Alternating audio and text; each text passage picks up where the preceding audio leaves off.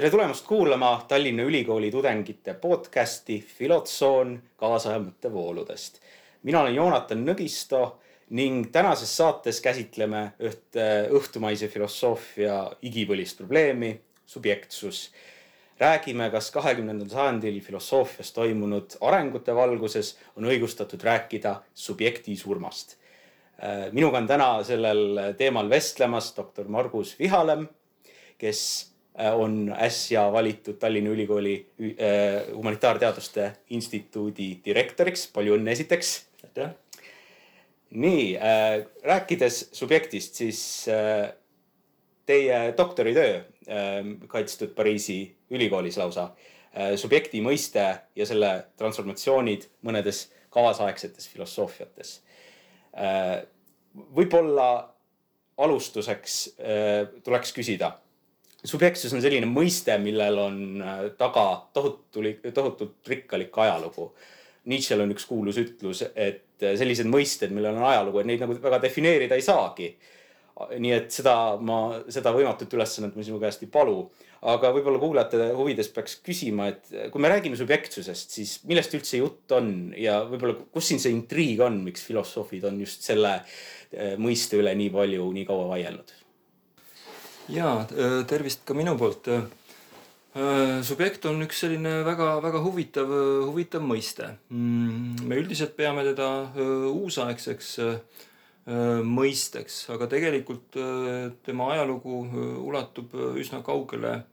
kaugele sinna läänemaise filosoofia alguse aega. selles mõttes, et, et me kohtame juba, juba Aristotelese juures äh, Äh, mõistet äh, hipokeimenon, äh, kreekakeelne mõiste hipokeimenon, mida, mida võiks siis, võiks siis tõlkida omakorda siis sellise ladinakeelse mõistega nagu subjektum ehk siis su-, subjekt. antiikfilosoofia muidugi selles tähenduses subjekti veel ei tunne, kui, kui me räägime modernsest filosoofiast. antiik, antiikfilosoofia jaoks subjekt on on siis äh, põhimõtteliselt lihtsalt äh, selline predikaatide alus, äh, midagi, millele on võimalik omistada teatud omadusi, aga mida omakorda siis millelegi muule enam omistada võimalik ei ole. nii et kui me räägime siis sellisest hipokeimenonist Kreeka,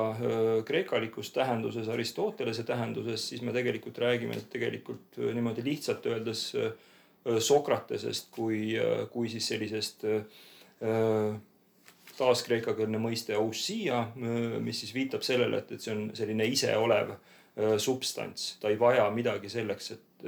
et ise olla, ta ei vaja selleks midagi muud. Mm. Nüüd selline subjekti mõiste sünd tavaliselt Äh, seostatakse suuresti, suuresti Descartesiga, Rene, Rene Descartesiga, seitsmeteistkümnenda sajandi prantsuse äh, mõtlejaga. Äh, see on ühelt poolt nii, aga teiselt poolt ka tegelikult ei ole nii, sellepärast et, et me ka varasemas, varasemas mõtlemises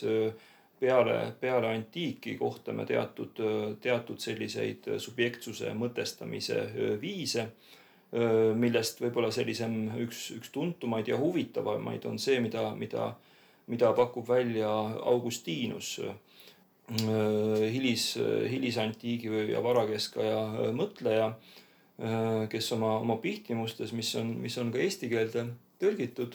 need pihtimused on siis, on siis selline tema omamoodi siis ülevaade või, või sügav sissevaade tema senisesse ellu ja, ja pöördumisse. tegemist on üsna sellise kristliku tekstiga aga selles, selles sisaldub üks huvitav, huvitav peatükk siis subjektsusest, kus siis äh, Augustinus tegelikult äh, aja üle arutledes jõuab välja selleni, et äh, aeg on siis midagi, mida me, mida me tajume siis läbi, läbi, läbi teadvuse kui teatavat, teatavat kestust. ta nimetab siis aega teadvuse laienduseks, extensio mm nii et, et äh, võiks öelda, et Augustinos on üks selliseid äh, modernse subjektsuse äh, üks, üks olulisemaid eelkäijaid. aga kui me jõuame nüüd uusaegsesse mõtlemises, mõtlemisse, siis kahtlemata Descartes on seal selline, võiks öelda siis subjektsuse mõiste selline käilakuju omamoodi. ja miks ta on oluline, sellepärast et ta siis oma, oma meditatsioonides, metafüüsilistes meditatsioonides, otsides siis, otsides siis midagi, mis oleks väljaspool, väljaspool igasugust sellist filosoofilist kahtlust tema, tema eesmärgiks on siis seal jõuda mingi, mingi tõsikindla teadmiseni. justkui mööda minnes avastab, et, et ainus, milles, milles me ei saa kahelda, siis Descartesi arvates on siis see, see fakt või asjaolu ise, et, et, et meie mõtlejate, kahtlejate, tunnetajate, mm, kogejatena oleme, oleme olemas. nii et, et seda võiks, võiks pidada siis selliseks modernse mm, mõtlemise, modernse subjektist mõtlemise siis selliseks omamoodi nurgakiviks. Descartesi projekt on muidugi märgiline nähtusele, mida võib filosoofias nimetada epistemoloogiliseks pöördeks. et mulle tundub subjektsuse mõiste kohta me saame rääkida kaks äh, seotud, kuid erineva rõhuasetusega lugu. Äh, üks on niisugune mõttelooline, et me äh, vaatame neid suuri mõtlejaid ja nende omavahelisi seoseid, kuidas akadeemilises filosoofias on subjektsust käsitletud. Ja teine lugu paneb selle küsimuse subjektsuse järgi teatud ühiskondlikku poliitilisse konteksti. Descartes oli tõesti oluline mõtleja siin, kes töötas äh, üpriski murdelisel hetkel Euroopa ajaloos, äh, uusaja niisuguse valgustusperioodi üpriski alguses. kui neid kahte dimensiooni põimida, seda mõtteloolist äh, narratiivi ja siis sellist ühiskondlikku või poliitilist ajaloolist lugu, kas saame siin mingi huvitava loo rääkida sellest, et miks ja kuidas subjektsus tõusis nii oluliseks kategooriaks just uusajal jah, võib-olla siin tasub alustada natuke isegi kaugemalt, et sellele küsimusele üldse, üldse vastata, et, et tegelikult me, me saame subjektsuse mõiste või subjekti mõiste, kasutame neid vaheldumisi, et, et me saame sel, selle mõiste puhul eristada sellist mitut, mitut tähendust. üks on, üks on see subjektsuse tähendus, millest räägib siis seesama, sama Descartes millele, millele viitab juba siis, siis Augustinus. ehk see on siis teatav selline enesereflektiivsus või enese, iseenese mõtlemise selline omamoodi mõtlemine, sellest mõtlemisest mõtlemine, eks ole. et, et siin me võime, võime eristada sellist esimest sub, subjekti tähendust, see on siis selline sisse, sissepoole pööratud subjektsus teine oluline subjektsuse mõiste tähendus äh, tuleb, äh, tuleb välja siis just nimelt siis sellises äh, uusaegses kontekstis, kus, kus subjektsus on vägagi seotud siis selliste poliitiliste, ideoloogiliste nähtustega, kus subjektsus viitab siis selle mõiste siis ladinakeelse mõiste siis sellisele etümoloogiale, mis, mis viitab vallutamisele ja, ja alla, allasurumisel ehk siis subjekt on tegelikult siis selles, selles tähenduses siis alluv või, või ütleme siis õiguslik subjekt, poliitiline subjekt või, või midagi muud sarnast. me ei, me ei, me ei küsi üldse siinkohal, et mis on selle subjekti sisu, vaid me räägime siis sellisel juhul selle subjekti vormist. nii et, et, et selles mõttes Descartes äh, pigem äh, siis äh, juhatab selle subjektsusest mõtlemise sisse siis selles, selles esimeses tähenduses tegelikult ta, ta uurib ikkagi, et, et, et, et mis see, mis see inimene kui mõtlev, mõtlev olend on. Mm, jõuab siis arusaamisele, et, et mõtlemine on midagi, mis meid, mis meid siis defineerib inimeste ja, ja subjektidena ja, ja omamoodi juhatab siis sisse just nimelt selle mõtlemise sellest, et, et inimene on midagi, midagi ise mõtlevat, autonoomset ja, ja järelikult ka siis sellise poliitilise subjektsuse selline alus, alus või, või vundament. nii et, et tegelikult need, et, et võiks öelda, et orgaaniliselt sellest ühest definitsioonist me jõuame tegelikult, tegelikult teise ja, ja neid ei saa, ei saa lahutada. siia võib, võib juurde tuua tegelikult veel nagu kolmanda momendi, mis on seotud siis öö, mõistepaariga subjekt ja objekt, eks ole, mis on, mis on sellise uusaegse mõtlemisparadigma, kui nii võib öelda, üks selliseid olulisemaid selliseid binaarseid oponi-, opositsioone omamoodi, kus me räägime siis sellisest tunnetavast või, või teadvast subjektist ja, ja selle, selle tunnetava ja teadva subjekti siis vastas või temast kuidagi väljaspool eemal olevast objektist, mille poole siis, siis see subjekt oma, oma teadmis- või tunnetusprotsessis on justkui teel ja, ja, ja, ja eesmärgiks on siis seda objekti siis, siis tunnetada. nii et see võiks olla siis selline kolmas, kolmas moment, aga siin muidugi tasub tähelepanu juhtida sellele, et see subjekti, objekti selline dihhotoomia on omamoodi ka siis selline jah, tõesti ideoloogiline määratlus selles mõttes, et, et me, me siis eeldame selles, selles mõtlemismudelis, et see subjekt on kuidagi siis lahutatav või eraldatav sellest objektist, millele, mille, millega ta suhestub siis selle tunnetusprotsessi käigus.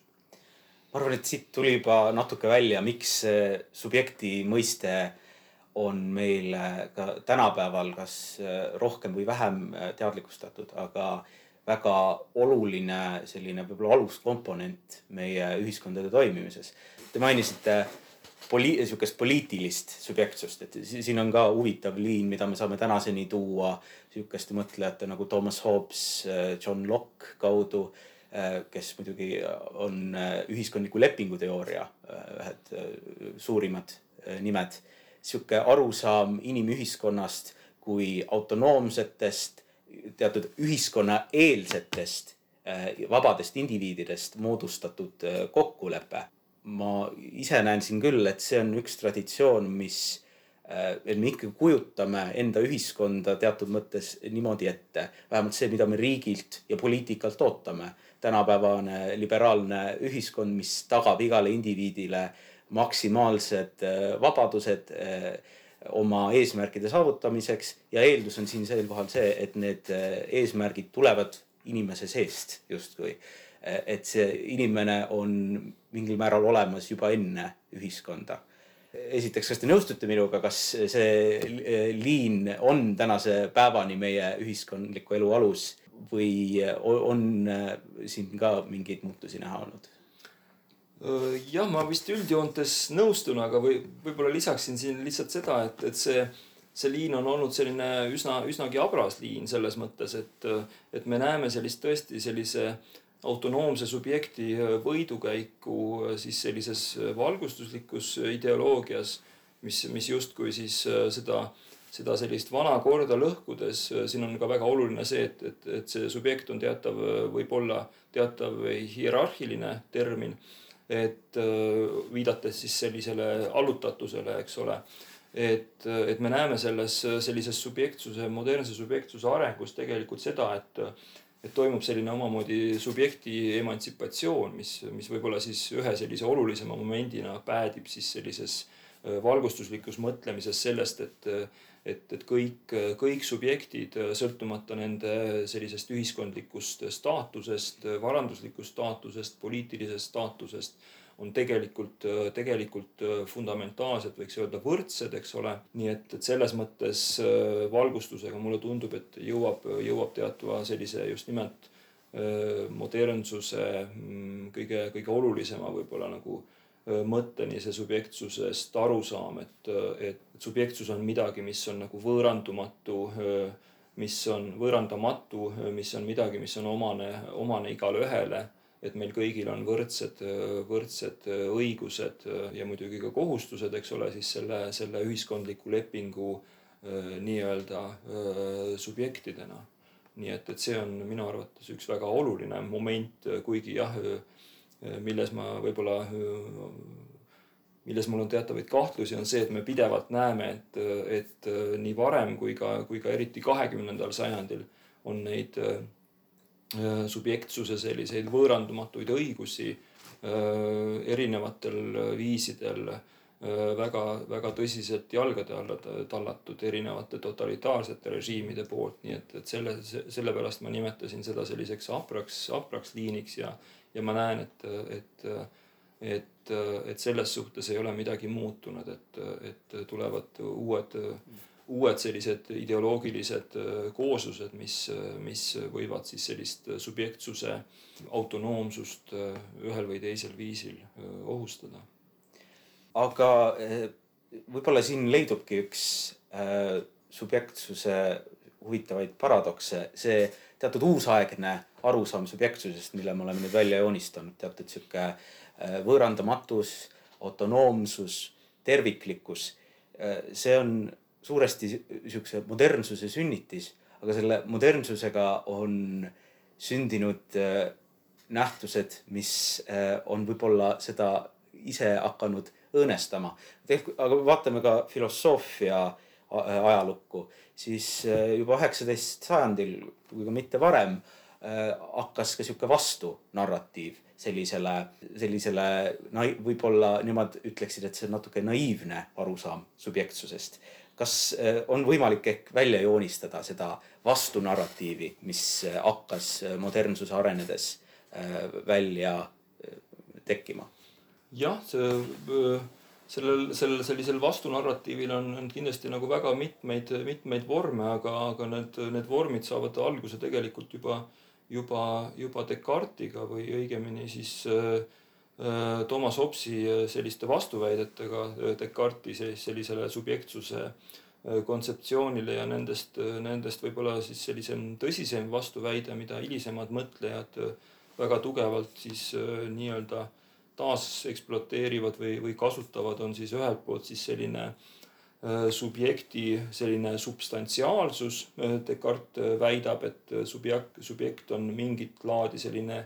res, res cogitans ehk ta justkui, justkui asjastab subjekti selles mõttes, et subjekt on midagi, mis on, mis on noh, nii-öelda mentaalses mõttes käega, käega katsutav, midagi, mis on nagu allolev ja, ja mis, mis on muutumatu ja, ja, ja selline äh, Äh, kuidas öelda, mm, noh, ühesõnaga selline, selline ühtne. et sealt me jõuame selle teise sellise subjektsuse tõsisema kriitikapunktini, mida, mida nii-öelda siis äh, toovad esile juba Descartesi kaasaegsed, aga mille selliseid kõige huvitavamaid vorme me kohtame siis, äh, siis selliste mõtlejate juures nagu, nagu Friedrich Nietzsche ja, ja Sigmund, Sigmund Freud loomulikult siis kahekümnenda sajandi plaanis need, need sellised subjektsuse kriitika vormid siis võiks öelda, et ohtralt, ohtralt paljunevad. et võib-olla sinna esimese punkti juurde tegelikult selle, selle subjekti substantsiaalsuse juurde võiks veel tuua tegelikult, mis mul, mis mul läks meelest ära, kindlasti oluline moment rõhutada siis äh, Immanuel Kanti filosoofias me leiame siis sellise ka omamoodi subjekti äh, mõiste kriitika ja mida, mida, äh, mida Kant selles oma mõtlemises just nimelt siis kritiseerib, on see selline, seesama subjekti substantsiaalsus ja, ja ka Kanti, Kanti siis selline võiks öelda, et üks selline võimalik subjekti definitsioon on siis midagi sellist, et subjekt on äh, Äh, subjekt ei ole midagi, midagi substantsiaalset, ta ei ole mingi, mingi asi meie, meie sees, vaid ta on teatav lihtsalt siis selline öö, sünteetiline tajuvorm või siis teatav taju, mis omakorda siis saadab kõiki meie teisi kujutlusi või, või tajusid. et ühesõnaga Kant tegelikult siis desubstantsialiseerib nii-öelda selle subjekti, subjekti mõiste. ja noh, selliseid sarnaseid, sarnaseid kriitikavorme me näeme ka siis juba Kanti, Kanti eelnevate mõtlejate juures, nendest kindlasti võib-olla tuntuim on David, David Hume, Saksa mm, kaheksateistkümnenda sajandi mõtleja, kes, kes räägib just samuti, et, et subjekt ei ole midagi substantsiaalset, vaid, vaid subjekt on lihtsalt siis teatav siis selline tajude, tajude kimp, mida me mida me ei saa kindlasti taandada siis mingiks selliseks nende tajude kuidagi all olevaks äh, äh, asjaks, mis jääb alati samaks, vaid, vaid sisuliselt see, mida David Hume, millele ta osutab, on see, et et, et see subjektsus on midagi, midagi dünaamilist, see, see, see sõltub meie kogemusest, see sõltub meie, meie tajudest, meie, meie, meie mälukogemusest, ühesõnaga põhimõtteliselt jah, et, et siis subjekt sellisena nagu, nagu Descartes seda kujutles, sellist asja tegelikult David Hume'i arvates ei, ei ole. ka kahekümnendal sajandil või nüüd juba äh, filosoofia perioodil, mida me nimetame veel kaasaegseks filosoofiaks äh,, on subjekt olnud üks kesksetest teemadest, eriti äh, nii-öelda kontinentaalse filosoofia traditsioonis. ma võib-olla siin ütlekski, et äh, ühe liini subjektsuse kritiseerimisel äh, tõid sa välja, mis on äh, ka läbi kandnud kahekümnenda sajandi filosoofias. võib-olla sellele saab veel juurde lisada, kui see kriitika, mis tuli Nietzsche ja Freudi suunalt, on võib-olla subjekti ründamine seestpoolt, siis äh, mina näeks ka teist liini, mis ründab subjektsust võib-olla väljaspoolt, asetades subjektsust teatud äh, ühiskondlikku ja ajaloolisse konteksti. Äh, üks üheksateist sajandi keskseid mõtlejaid siin on äh, muidugi Karl Marx, kes, kelle kuulus väide, et inimolemus ei ole midagi, mis on abstraktse indiviidi sees, vaid oma olemuses on see ühiskondlike suhete kogusumma. mida mina näen kahekümnenda sajandi just prantsuse filosoofias võib-olla väga kesksel kohal, on, et need kaks liini teatud mõttes liiguvad kokku ja just kahekümnenda sajandi keskel selliste strukturalistidest ja poststrukturalistid, eh, strukturalistidest mõtlejate nagu Jacques Lacan, Louis Althusser, Michel Foucault, Jacques Derrida ja Gilles Deleuze. Nendega me jõuame teatud sellisesse haripunkti. Eh, osad vaatlejad on kohe nimetanud seda, eh, mis toimus prantsuse filosoofias äh, möödunud sajandi keskel kui subjekti surma. ma loen siin äh, ette ühe tsitaadi prantsuse filosoofi Michel Foucault ühest intervjuust. me peame loobuma subjektist, lahti saama subjektist endast. see tähendab öelda, jõuda analüüsini, mis suudab selgitada teadmisi, diskursuseid, objektide valdkondi ja nii edasi ilma et peaks seejuures viitama subjektile, mis on kas oma sündmuste väljasuhtes transcendentne või mis eksisteeriks oma tühjas ühetaolises kogu ajaloo vältel. kas te saaksite äkki seda Foucault projekti natuke laiendada ja seada eh, sinna konteksti, mida Foucault ja võib-olla siis teised eh, Prantsuse poststrukturalistid üritasid eh, subjekti mõiste raames saavutada jah, see on kindlasti väga selline kompleksne, kompleksne lugu tegelikult, et, nagu sa juba mainisid, et, et seal alguses kusagil on, on, on Karl Marx üheksateistkümnenda sajandi seal, seal keskel, eks ole, pärast seda me räägime Friedrich Nietzsche'st, Sigmund Freudist, kes, kes kõik mingis mõttes osutavad tegelikult sellele, et, et see selline ühtne subjektsuse vorm, mis, mis kätkeb endas sellist autonoomset mõtlemisvõimet mis on selline alustraja siis igasuguse sellise maailma tunnetuse suhtes on, on omamoodi fiktsioon, noh nagu me, nagu me teame, et see, see, see päädib siis sellise freudiliku arusaamaga sellest, mida eelnevalt juba, juba mõtleb, mõtleb Nietzsche siis sellest, et, et subjekt ei ole midagi ühtset ja, ja jagamatut, vaid tegelikult subjekt on üksnes nagu nii Friedrich Nietzsche kui, kui Sigmund Freud osutavad mingi teatav sellist, selline pinna, äh, pinnavirvendus või, või teatav äh, pindmisus, äh, mille, mille all pulbitsevad teatavad siis sellised jõud, mille, mil, mille, mille loomust me tegelikult siis ei, ei hooma. ja ütleme, ütleme nii, et, et need Marxi, Nietzsche ja, ja, ja Freudi siis sellised omamoodi siis sellised subjektikriitilised käsitlused mõjutavad tõesti siis olulisel määral kahekümnenda sajandi äh, mõtlejaid, äh, sealhulgas siis äh, loomulikult neid, keda sa, keda sa mainisid. ja, ja siin on loomulikult ka oluline näha siis võib-olla tuua sellise nagu mängu see selline inim, inimteaduste roll, eks ole et, et kui me, kui me varasemalt vaatame siis subjekti ajalugu või subjektsuse ajalugu eelkõige siis üksnes nagu sellise filosoofia keskse asjana, et see subjekt on nagu Äh, filosoofiline mõiste, siis kahekümnendal sajandil me näeme, kuidas see subjektsuse mõiste tegelikult pudeneb laiali erinevate inim, inimteaduste vahel, seda, seda uurivad, eks ole, antropoloogid, etnoloogid, lingvistid kuni majandusteadlaste ja teisteni, teisteni välja. et, et selles mõttes, et kahekümnes sajand on siis oluline selle poolest, et me tegelikult teadvustame selle, et, et, et subjekt ei ole midagi iseeneses olevat, vaid võiks, võiks sellise kahekümnenda sajandi Äh, subjekti kriitika tegelikult äh, kokku võtta selle, selle vormiga, mida, mida, mida siis äh, näiteks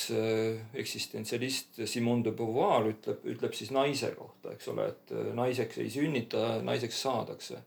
võiks öelda, et sama, sama kehtib ka subjekti kohta, et, et kui kui, kui Descartes ja siis selline su, subjektivistlik traditsioon omistab siis subjektsusele midagi, mis, mis justkui, justkui sünnib meiega koos saab olevaks ja on, on muutumatu, siis kahekümnenda, kahekümnenda sajandi siis selline panus sellesse subjektsuse mõtlemisse või, või subjekti kriitikasse on ju just nimelt see, et subjekt ei ole, ei ole mitte mingi alus, vaid, vaid pigem siis,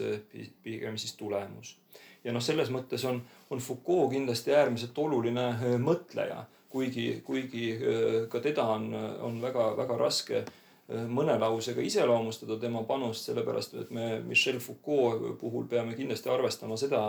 neid erinevaid äh, faase tema loomingus, et kui ta alguses uurib siis seda sellist omamoodi siis subjektsuse ajalugu, äh, siis läbi siis selliste erinevate marginaalsuste noh, ta näiteks, eks ole, räägib siis, räägib, räägib siis kliiniku ajaloost, hullumeelsuse ajaloost, eks ole, vanglate ajaloost ja, ja toob esile siis selliseid subjektsuse marginaalseid vorme, siis oma hilisemas loomingus räägib ta siis subjektsusest hoopis, hoopis teises mõttes. aga mis on võib-olla, võib-olla Foucault puhul oluline, on ikkagi see minu, minu arvates siis see nii-öelda sube-, subjektivatsiooni mõiste, mis just nimelt annab edasi väga hästi seda subjektsuse sellist, sellist dünaamikat ja mitte ainult siis sellist sisemist dünaamikat, vaid, vaid see, millele, millele sa, millele sa osutasid, et subjektsus on siis midagi, mis,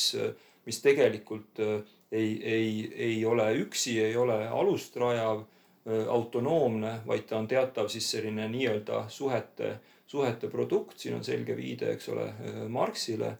aga et, et see subjekt on siis omamoodi siis selline üks mõiste siis sellisest kolme, kolmikmõistest Foucault puhul kus me kindlasti peame ka sisse tooma siis, siis teadmise ja, ja võimu, eks ole, et, et, et, et need sube-, subjektivatsioon, mis ei ole siis Foucault jaoks midagi muud kui siis teatav selline äh, subjektsuse saamisprotsess äh, siis sellises ühiskondlikus mõttes, äh, siis eeldab seda, et me samal ajal räägime ka siis, räägime ka siis teadmisest ja, ja, ja võimust. sest subjekt ei ole kunagi, ei, ei ei teki, ei arene mingis vaakumis, vaid ta, ta on siis ühelt poolt siis sellise eneseteadmise objektiks nii-öelda, siin toome mõistega sisse ka selle objektsuse mõiste ja, ja teiselt poolt siis, siis on, on jällegi võimusuhete siis selline ühelt poolt objekt, aga teiselt poolt ka siis subjekt selles mõttes, et subjekt ise teostab, teostab neid võimu, võimusuhteid nii et, et see on, see on omakorda siis seotud siis Foucault siis sellise öö, omalaadse lähenemisega siis, siis võimu mõistele, mida, millest ta räägib kui siis sellisest paljuslikust, eks ole, teatud, teatud suhete, suhete süsteemist, mis, mis läbistavad kõiki erinevaid öö, sotsiaalseid öö, protsesse. Võib-olla avaks seda subjektsuse, teadmise ja võimu kolmnurga problemaatikat eh, natuke konkreetsema juhtumi läbi. Eh, üks Foucault kõige tuntumatest teostest on eh, kolmeköiteline seksuaalsuse ajalugu. selle raamatu pealkiri on tihti eksitav.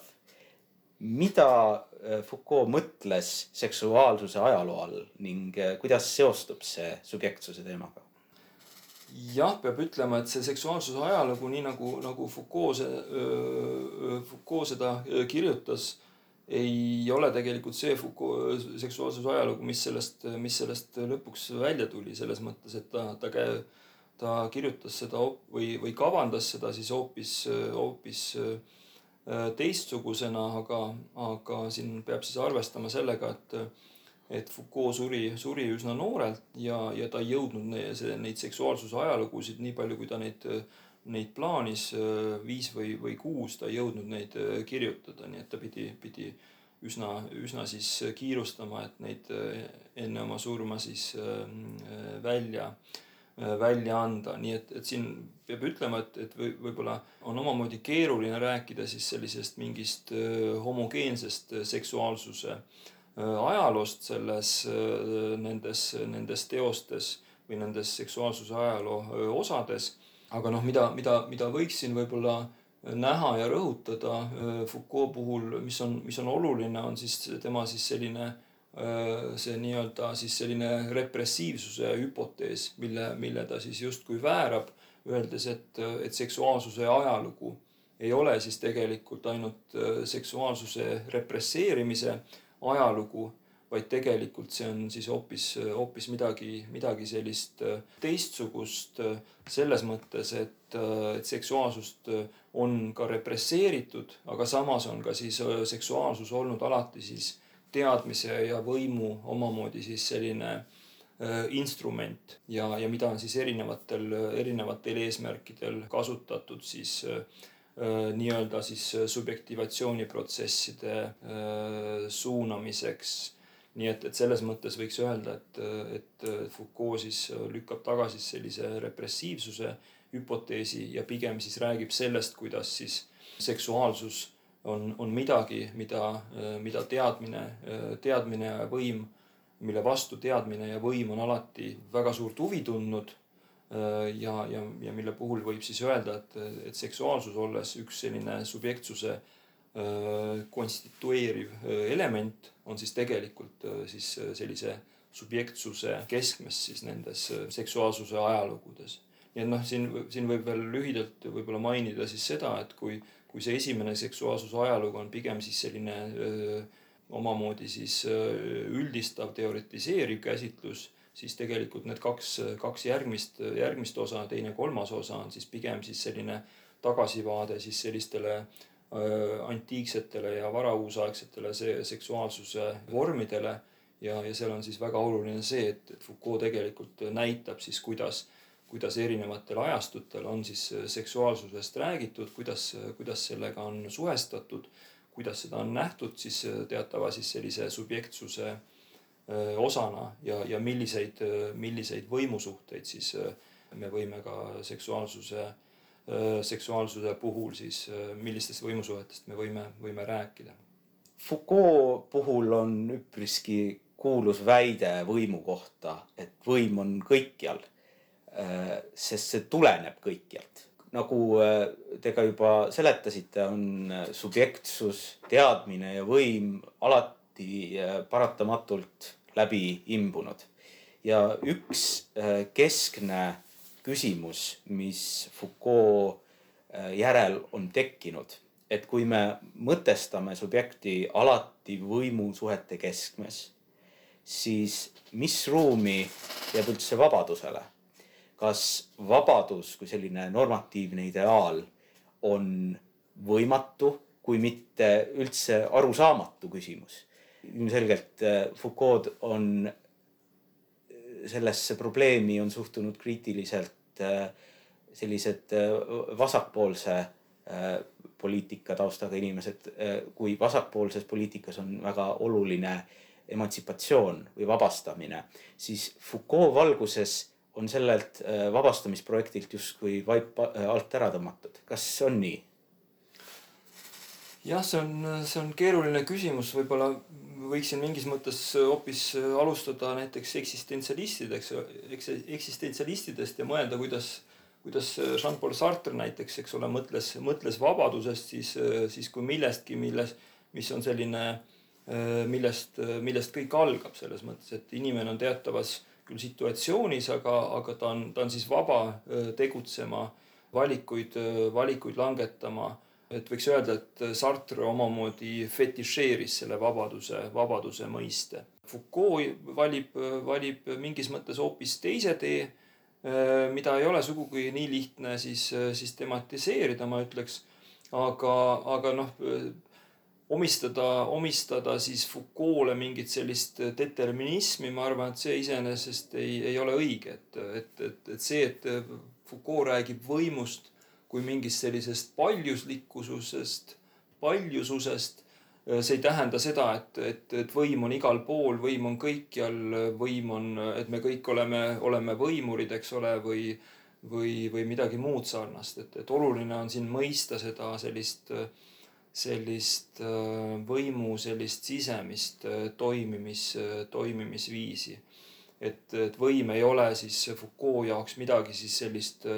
substantsiaalset, mida me, mida me kas omame või, või ei oma, vaid, vaid võim on, võim on midagi, mis, mis iseloomustab siis kõiki, kõiki sotsiaalseid suhteid. nii et selles mõttes ma ütleks, et, et Foucault ei ole sugugi determinist ega ega ei arva, et, et inimesel ei ole, ei ole vabadust, aga ta ei ole ka siis selline, selline ähm, ülevoolava vabaduskontseptsiooni pooldaja siis selles mõttes, et ta arvaks äh, kuidagi naiivselt, et, et me oleme, oleme vabad ja, ja saame seda vabadust siis, siis äh,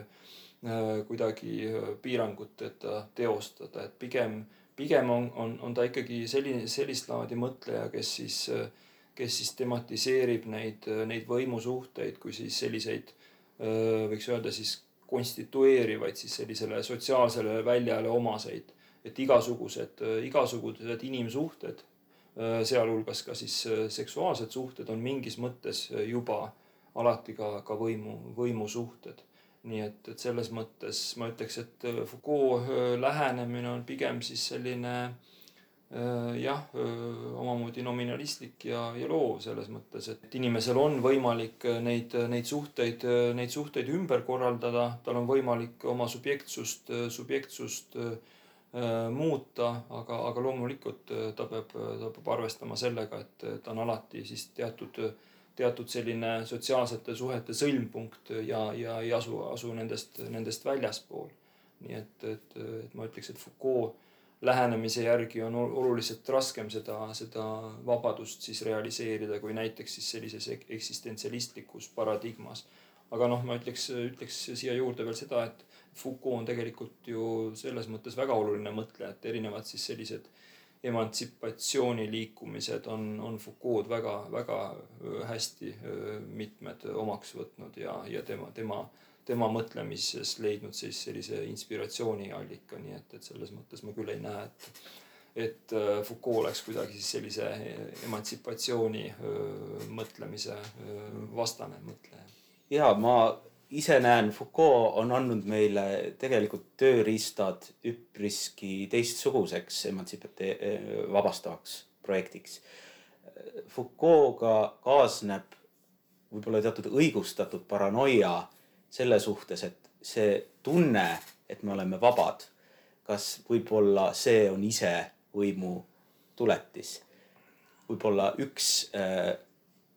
raamistik, kus Foucault teooriaid on palju kasutatud, ongi olnud äh, igasuguste äh, seksuaalvähemuste probleemide mõtestamine. Ja tihti viisil, mis on äh, just äh, vastandina sellele, mis on võib-olla peavoolu arusaamine. Kui me mõtleme tänapäeva LGBT liikumise puhul, kui oluline on äh, nendel teatud selline kapist välja tulemise rituaal või äh, enda staatuse õigustamine läbi selle, et äh, inimesed on sündinud sellisena, kes nad on, siis Foucault puhul on meil huvitav selline kriitiline suhtumine sellisesse lõplikku äh, Äh, samastamisesse enda rolliga. ja ma ise näen, et see annab võib-olla just äh, teatud vabadusruumi, kui see, et sa saad olla oma elu lõpus keegi täiesti teine, kui sa olid selle alguses. see valikuvariante on palju rohkem kui äh, samastamine just selle identiteediga, kes sulle peale antakse. kas selline eneseloome on äh, Foucault äh, mõttes siis võimalik ja kas me äkki siin saamegi näha seda võimalust äh, vabastamiseks? Nojah, võib öelda, et, et sellistest eneseloome vormidest enese estetiseerimisest Foucault oma seksuaalsuse ajaloos tegelikult väga palju, väga palju räägib nii et siin minu jaoks ei ole kahtlust jah, et see selline eneseloome, enesevabastus mm, on sellised, sellised mõisted, mis on, mis on Foucault kontekstis äärmiselt olulised. noh, siin võib, siin võib võib-olla vahe, vahele öelda seda, et, et kui sa, kui sa mainid seda siis sellist kapist väljatulemist ja, ja selle protsessi siis teatavat sellist valulikkust ja ühiskonna äh, sellise konservatiivsema ühiskonna osa siis sellist omamoodi siis sellist tõrjereaktsiooni, siis ma ütleks, et et selles ei ole midagi, midagi uut tegelikult, me oleme seda näinud äh, nii naiste emantsipatsiooni liikumiste puhul kui ka, kui ka noh, ta sarnaste selliste emantsipatsiooni liikumiste puhul, et, et siis selline võiks öelda siis selline konservatiivne osa ühiskonnast on alati püüdnud seda sellist kapist väljatulemist, õiguste äh,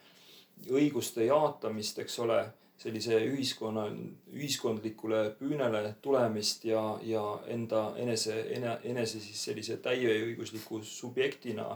esitlemist alati nagu mingis mõttes nagu tõrjunud, nii et, et selles mõttes ma ausalt öelda väga ei imesta, et, et see ka kaasaegses meie Eesti ühiskonnas on, on osutunud mõnevõrra siis selliseks valulikuks. ma arvan, et me areneme siin edasi ja, ja ja, ja see on, see on loomulik osa sellest äh,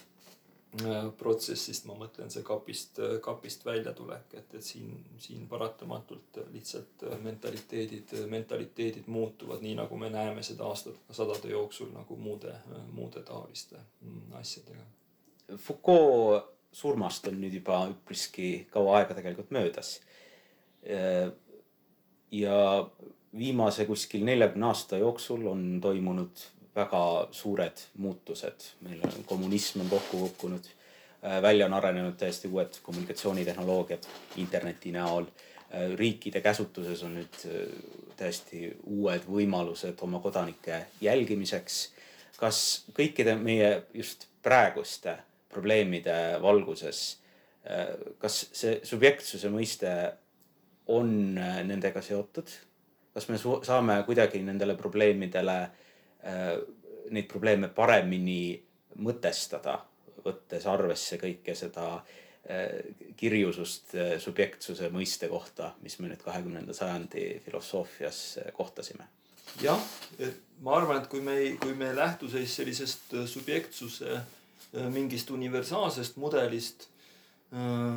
mis, mis paratamatult mulle tundub, et on osutunud siis selliseks suureks omamoodi suureks äh, ja tühjaks, äh, tühjaks narratiiviks. et kui me sellest, äh, sellest kontseptsioonist ei lähtu, siis, siis tõepoolest ma arvan, et, et me näeme siis sellises kaasaegses ühiskonnas siis sellist omamoodi siis subjektsuse, subjektsuse sellist laialipaiskumist ja, ja, ja omamoodi jah, siis seostumist teiste selliste arengutega, sealhulgas poliitiliste arengutega, sotsiaalsete arengutega, ka tehnoloogiliste arengutega. nii et, et, et kui me tõesti äh, lähtume sellest, et subjekt ei ole midagi muutumatut äh, ja, ja püsivat ja, ja ühtset, siis, siis minu arvates on paratamatu, et me mõtestame subjekti ümber igas, igas ajastus Äh, sellepärast, et, et mida me ju tegelikult subjektsuse all mõtleme, on, on, on, on üldjoontes ikkagi inimeseks olemine. inimeseks olemine ühelt poolt siis läbi, läbi sotsiaalsete suhete, teiselt poolt inimeseks olemine siis äh, sellises äh, suhtes iseendaga. nii et, et ka need kaks, kaks sellist subjektsuse kõige, kõige ma ütleks olulisemat momenti ja, ja paratamatult meie, meie suhted ühiskonnaga, suhted teiste subjektidega sõltuvad väga palju siis teatud siis sellistest poliitilistest arengutest, sõltuvad väga palju ka tehnoloogilistest arengutest, mida me oleme, oleme näinud siin näiteks selle, selle hiljutise koroonakriisiga, et, et, et me oleme pidanud suhtlema siis läbi, läbi juhtmete ja ekraanide, eks ole suhestuma teiste, teiste subjektidega, nii et, et siin, siin ei ole vist kahtlust, et, et see meie sellist subjektsuse, subjektsuse vormi või, või, või inimeseks olemise viisi mõningal määral muudab. millised on need tuleviku subjektsuse vormid, seda on muidugi antud hetkel väga keeruline ette, ette ennustada. kas lõpetuseks, kui küsida, siis kas peaks ütlema, et kuuldused subjekti surmast on olnud tugevasti liialdatud? jah, ma arvan arvan küll, et nad on tugevasti, tugevasti olnud liialdatud. noh, siin me peame lihtsalt arvestama seda, et see subjekti surma selline deklaratsioon tekkis, eks ole, siis sellises, sellises omamoodi kahekümnenda sajandi inimteaduste sellise võidukäigu tingimustes. Ja, ja see ei tähenda nüüd tegelikult midagi muud kui just nimelt siis sellise omamoodi siis metafüüsilise, substantsiaalse Äh, jagamatu subjekti äh, siis sellist noh, kõrvaleheitmist. et me, me tegelikult räägi, räägime subjektsusest edasi, see on oluline mõiste erinevates, erinevates inimteadustes ka, ka väljaspool. nii et selles mõttes me selle asemel, et rääkida subjekti surmast, me võiksime siis rääkida pigem uutest subjektsuse või, või uutest subjektivatsiooni vormidest mis, mis, mis paratamatult äh, muutuvad, äh, muutuvad ajas, äh, sõltudes siis ühiskondlikest arengutest. suured tänud saatesse tulemast, doktor Margus Jaan. Te kuulasite Tallinna Ülikooli tudengite podcasti Filotsoon. Lisainfo koos selle saate soovitusliku kirjandusega on leitav meie kodulehelt aadressiga filotsoon.wordpress.com. kindlasti ärge unustage kiikamast ka meie Filotsooni Facebooki. suur aitäh kuulamast, see oli Subjekti surm Filotsoonis